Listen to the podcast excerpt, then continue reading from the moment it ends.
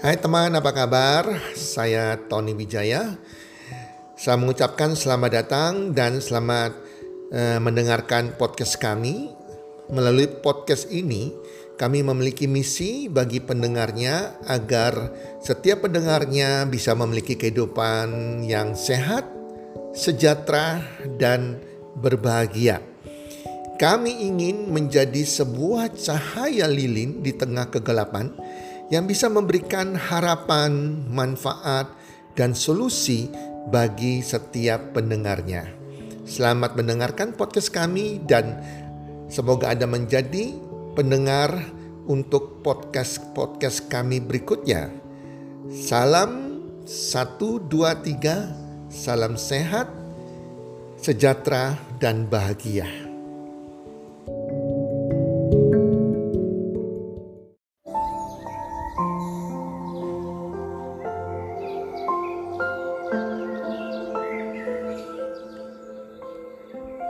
Tujuh cara menjadi miliarder.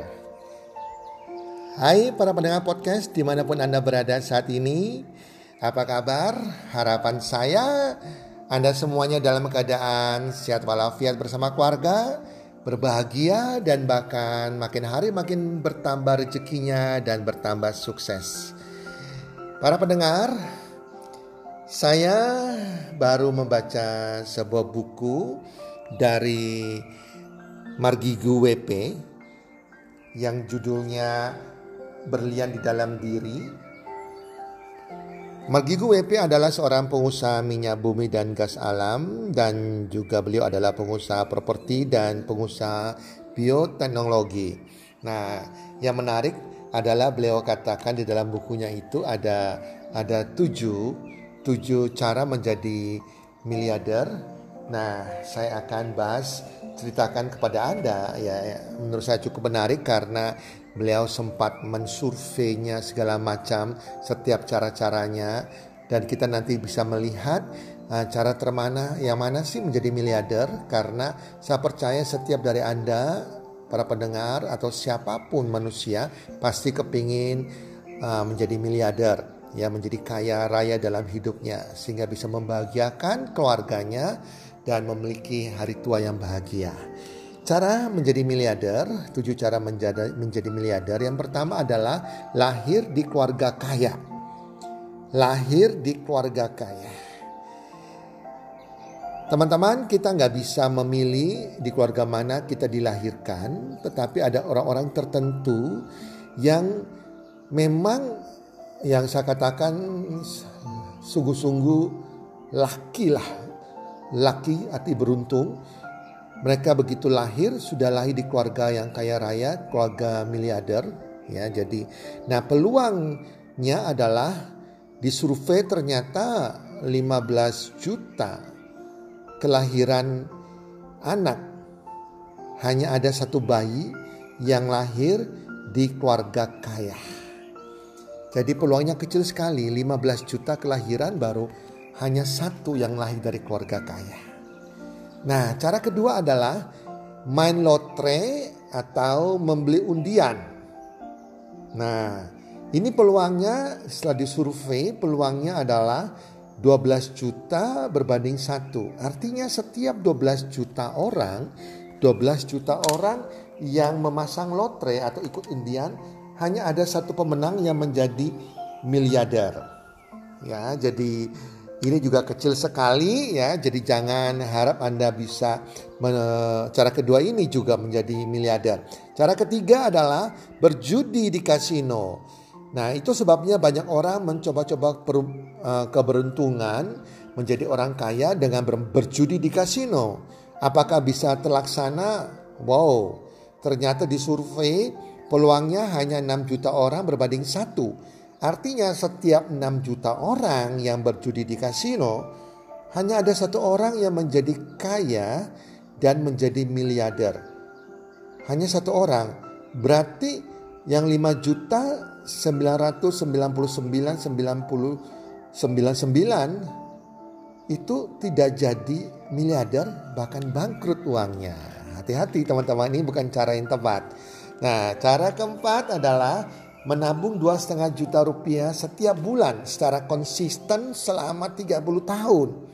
Nah, untuk menabung ini peluangnya rupanya satu juta berbanding satu. Karena ternyata menurut data statistik hanya satu dari satu juta orang yang konsisten dengan perilaku menabung setiap bulan dalam jumlah yang sama dengan jangka waktu 30 tahun hanya satu orang dari satu juta orang.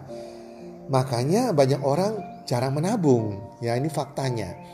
Nah cara kelima adalah menikah dengan orang kaya. Nah ini yang menurut saya zaman now ini banyak orang yang kepingin kawin dengan orang kaya. Bagi seorang wanita yang dicari anak-anak orang kaya. Pemuda-pemuda kaya raya agar dia bisa menjadi langsung menikah jadi miliarder dan ada juga pria-pria yang dengan mungkin tampan atau skillnya luar biasa itu mencari gadis-gadis anak orang kaya agar pemuda ini begitu menikah langsung menjadi miliarder. Nah, ini peluangnya berapa banyak sih menikah dengan orang kaya untuk menjadi miliarder? Peluangnya adalah 500 ribu berbanding satu. Jadi menurut statistik hanya ada satu miliarder di antara 500 ribu orang. Nah, yang keenam adalah ini yang banyak dilakukan para lulusan universitas yaitu bekerja di, di perusahaan multinasional, bekerja di perusahaan multinasional. Makanya kalau kita bertanya atau dengan percakapan dari para mahasiswa semester akhir atau uh, mereka berbincang-bincang atau kita bertanya kepada mereka nanti setelah kuliah Mau bekerja di mana? Nah, selalu pertanyaannya begitu. Antara satu mahasiswa dengan mahasiswa yang lain atau bahkan dari orang tuanya. Nanti setelah kuliah mau bekerja di mana? Dan mindset mereka sudah bekerja ikut orang. Dan pastinya mencari pekerjaan di perusahaan besar tentunya. Perusahaan multinasional. Dan ternyata di survei peluangnya 100 ribu orang berbanding satu. Artinya dari 100 ribu karyawan yang bekerja di perusahaan multinasional, hanya satu orang yang beruntung menjadi miliarder yang menduduki peringkat kedudukan tertinggi di perusahaan tersebut. Itulah sebabnya jarang kita ketemu orang yang bekerja seumur hidup mereka di sebuah perusahaan akan menjadi orang kaya, menjadi miliarder. Karena peluangnya 100 ribu dibanding satu. Nah yang terakhir, Cara ketujuh untuk menjadi miliarder yang memungkinkan setiap orang bisa melakukannya, yaitu memiliki usaha sendiri, menjadi pengusaha atau menjadi wirausaha. Peluangnya adalah seribu berbanding satu. Jadi peluangnya memungkinkan sekali, artinya dari seribu orang yang memiliki usaha, yang mencoba jadi pengusaha, hanya satu orang yang berhasil menjadi miliarder. Sedangkan yang 999 mereka bangkrut sebagai pengusaha. Bangkrut jadi pengusaha. Nah kalau Anda mau jadi pengusaha mindsetnya sudah mulai benar daripada waktu kita kuliah. Jadi rencananya setelah kuliah bukan mau bekerja di mana setelah kuliah. Tapi mindsetnya, omongannya harus setelah kuliah saya mau, mau buka usaha apa setelah kuliah saya mau berbisnis apa? Itu beda sekali. Ya, mau bekerja di perusahaan mana, mau bekerja di mana dengan mau buka usaha apa. Ini membedakan seseorang menjadi pegawai, punya mental pegawai atau seseorang akan jadi pengusaha dengan mental pengusaha. Masalahnya kenapa orang tidak mengambil cara ketujuh ini untuk menjadi miliarder yang lebih memungkinkan dari enam cara yang lain yaitu memiliki usaha sendiri. Dari pengalaman yang saya lihat, karena mereka berpikir menjadi pengusaha butuh modal besar sekali dan takut modalnya habis dan bangkrut. Itu benar kalau sekitar 15-20 tahun yang lalu ya, di mana Anda menjadi pengusaha harus punya modal besar dan bersaing dengan modal teman-teman. Belum masang iklan juga di televisi, di koran yang mahal. Semuanya butuh modal. Perlu lagi sewa tempat kerja, sewa ruko dan lain-lain. Semua perlu modal yang besar. Tetapi di zaman now ini, Anda bisa menjadi pengusaha tanpa perlu modal. Bahkan bisa memakai modal orang lain teman-teman ya. Jadi jangan pernah takut memiliki usaha sendiri. Karena saat ini kita bisa menjadi pengusaha dengan tanpa modal. Jadi ada dua cara dengan modal atau tanpa modal. Kalau kita nggak punya modal ya jangan takut menjadi pengusaha. Atau Anda punya modal takut modalnya habis gak apa-apa. Jangan takut jadi pengusaha. Anda bisa belajar jadi pengusaha dengan tanpa modal. Banyak usaha-usaha yang tanpa modal yaitu semacam dropshipper reseller Anda bisa coba-coba di bidang usaha itu ambil belajar berbisnis. Juga Anda bisa menjadi agen asuransi mungkin uh, agen properti. Itu semua tanpa modal. Yang penting Anda mau belajar. Nah kemudian juga uh, di dalam bukunya Why We Want You to Be Rich yang dikarang oleh Donald Trump dan Robert T. Kiyosaki, mereka berdua menganjurkan apa? Bahwa Anda kalau mau jadi orang kaya, menjadi miliarder, Anda harus sungguh-sungguh menjadi pengusaha. Bukan pegawai, harus jadi pengusaha. Nah, cuma karena menjadi pengusaha itu resikonya besar, segala macam, maka Anda mulai belajar jadi pengusaha. Belajar jadi pengusaha dengan masuk melakukan bisnis pemasaran jaringan, bisnis network marketing. Dan sekali lagi ini bukan bisnis mati level marketing tapi bisnis network marketing. Beda sekali. Dan hati-hati jangan terkecoh dengan mati level yang mengaku dengan sebagai network marketing atau bisnis money game money game investasi bodong. Itu adalah uh, bukan bisnis itu adalah jebakan ya. Jebakan Batman ya. Hati-hati ya. Nah jadi anda harus cari bisnis network marketing yang benar yang terbaik tentunya yang tanpa modal Nah, melalui bisnis networking itu Anda belajar jadi pengusaha, bermental pengusaha, Anda belajar leadership, belajar bagaimana uh, memiliki goal, mencapai target, bagaimana Anda juga melayani uh, pelanggan ya dan hal-hal berkaitan dengan bisnis semua Anda lakukan di situ, Anda belajar di situ. Uh, risiko kalau gagal pun Anda bukan risiko uang, tapi Anda akan dapat ilmu yang banyak sekali. Tetapi tidak ada orang yang gagal menurut saya di bisnis network marketing tersebut. Kenapa? Karena bisnis ini adalah bisnis yang tanpa modal ya. Jadi Anda bisa berhasil. Setiap orang bisa berhasil. Kenapa banyak nggak berhasil? Karena demikian teman-teman. Anda membangun sebuah bisnis ibaratnya ini Anda mengayu mengendarai sebuah sepeda. Anda sedang mengen, Anda sedang mengendarai sebuah sepeda. Anda membawa sepeda. Anda harus mengayu. Sepeda Anda harus tetap berjalan. Anda harus tetap mengayu terus. Jika Anda tidak mengayu, Anda akan terjatuh. Dalam bisnis juga demikian. Anda harus tetap bekerja, tetap berkreasi, tetap berekspansi, tetap mencapai goal-goal Anda, tetap melayani pelanggan Anda.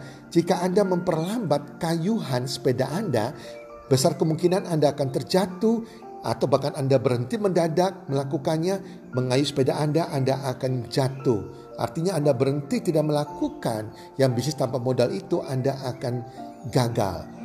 Tidak ada orang gagal di sini karena tanpa modal, karena Anda tidak punya bos masalahnya.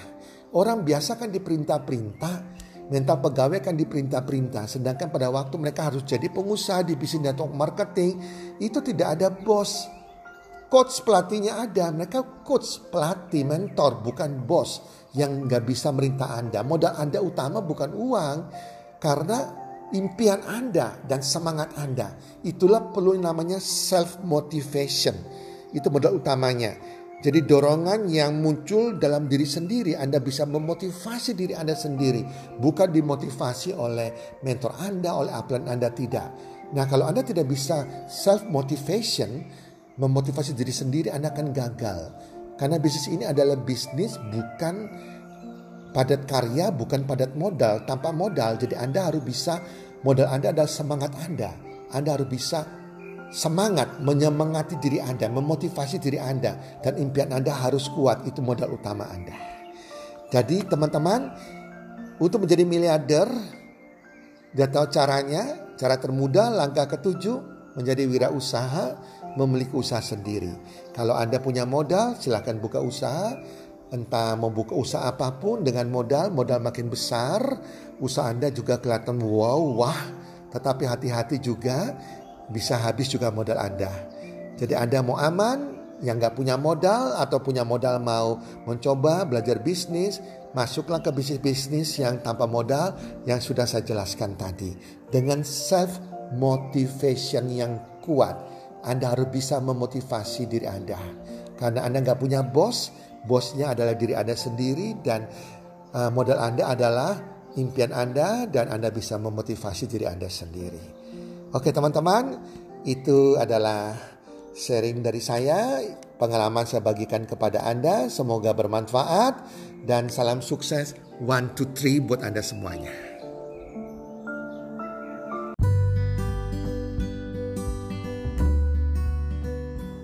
Terima kasih sudah mendengarkan podcast kami. Teman, jika Anda rasa bermanfaat podcast kami ini, Anda bisa menginfokan kepada rekan kerja Anda keluarga Anda, teman ataupun sahabat Anda.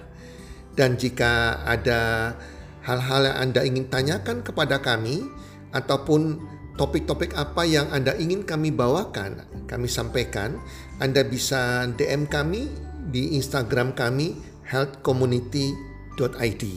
Salam one two three, salam sehat, sejahtera dan bahagia.